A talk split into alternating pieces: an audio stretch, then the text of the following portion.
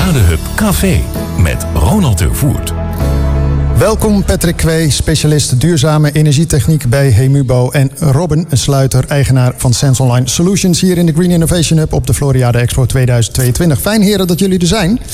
We gaan even een aantal dingetjes tegen het licht houden. Om jou eh, even te beginnen, Robin. Jullie hebben het afgelopen jaar voor het eerst eh, meegedaan met de Almeerse editie van de KVK Business Challenge. En wel met een case die voortkomt uit een overload aan sollicitaties.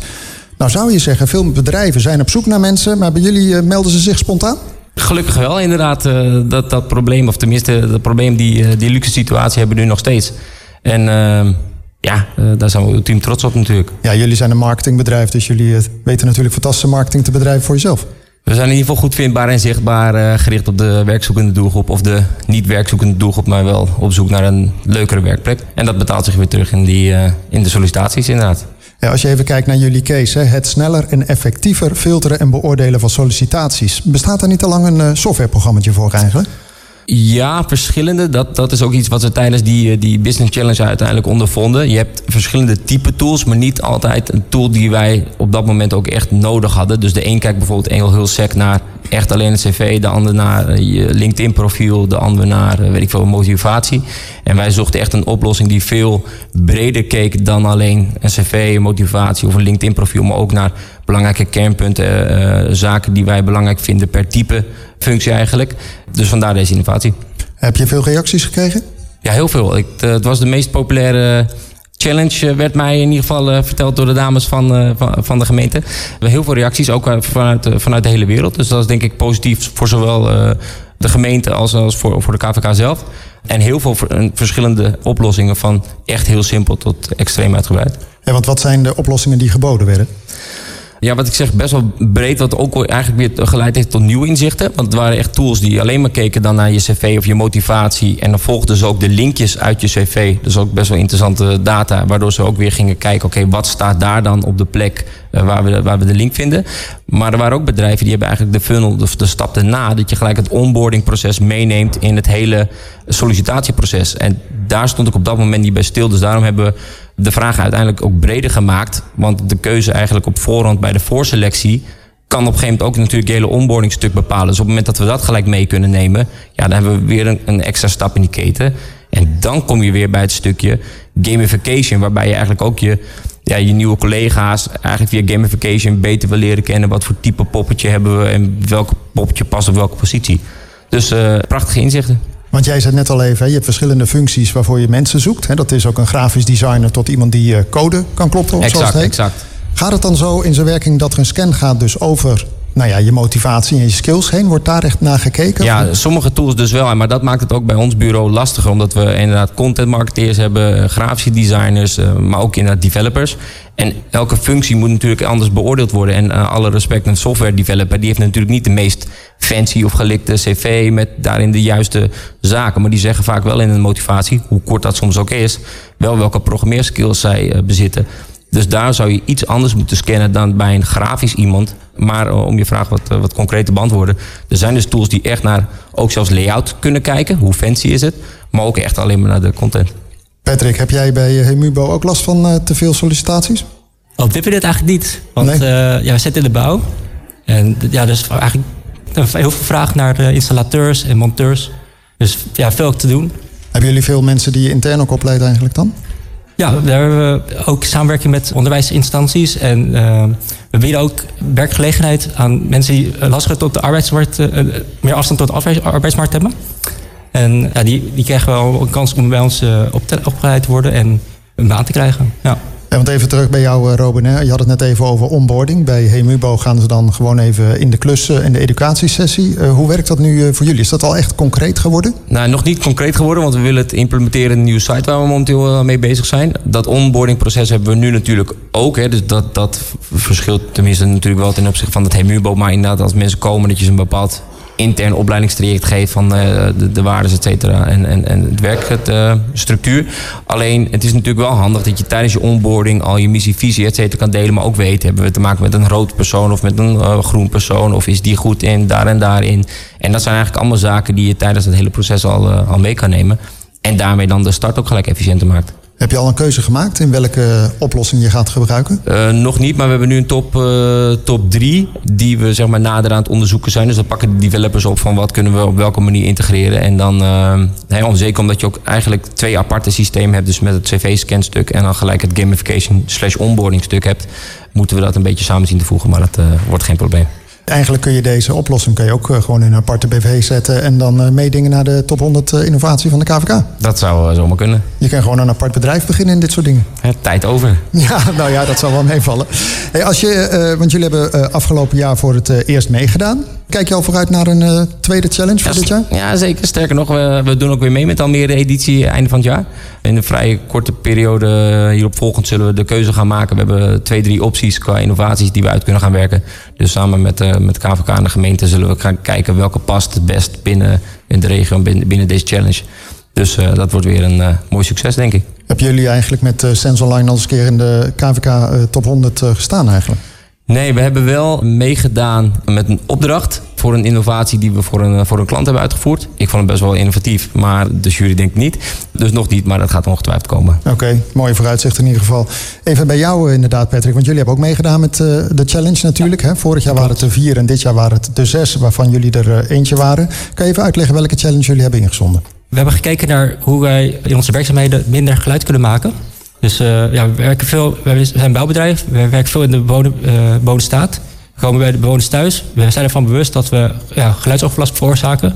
En deze challenge was eigenlijk voor gericht om te kijken...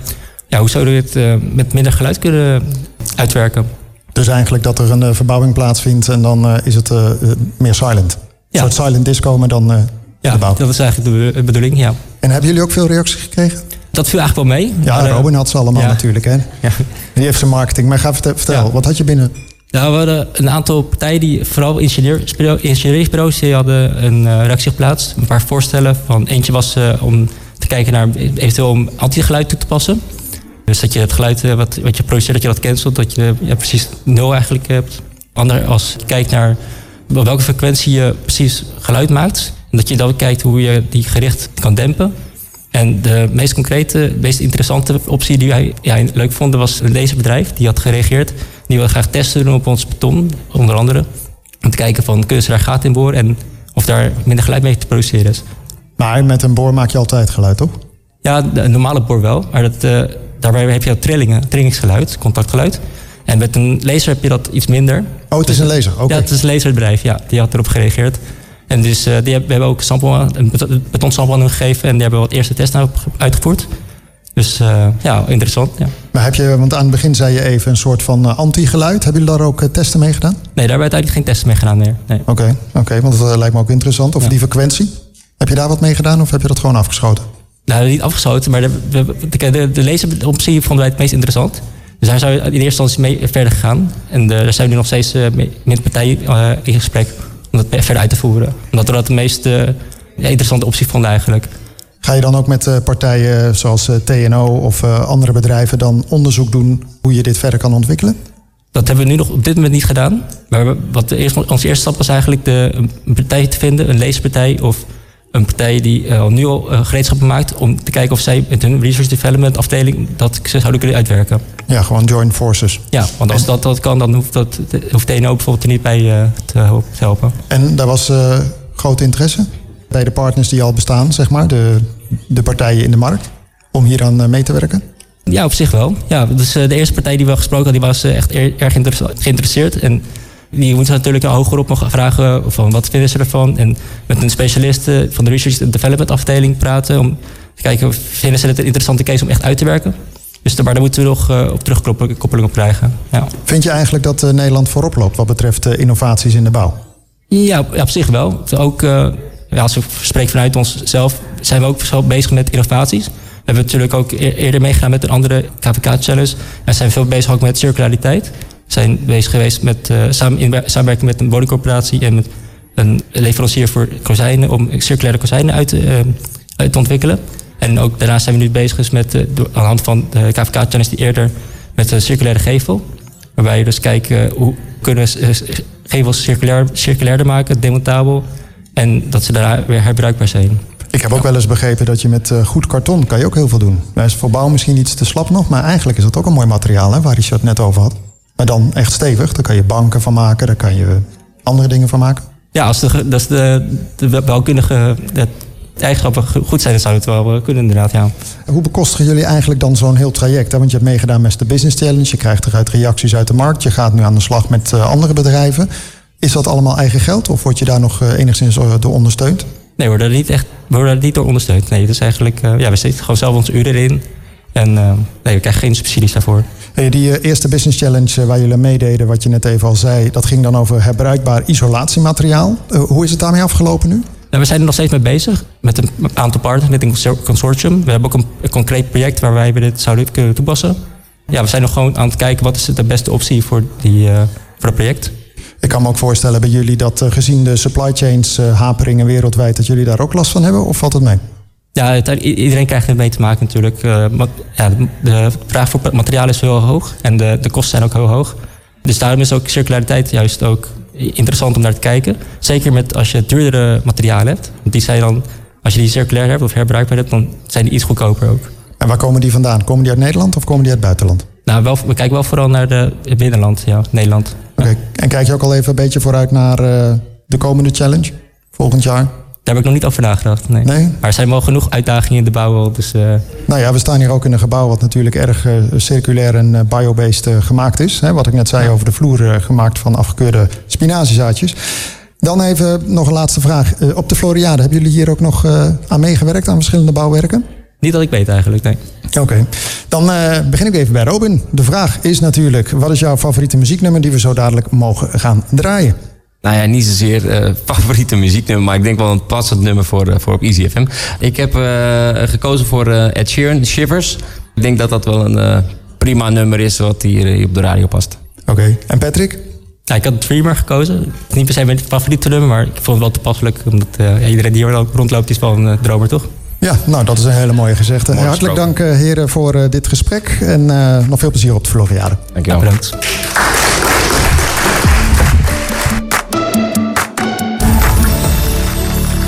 Het Floriade Hub Café met Ronald de Voert. Graag tot een volgende keer.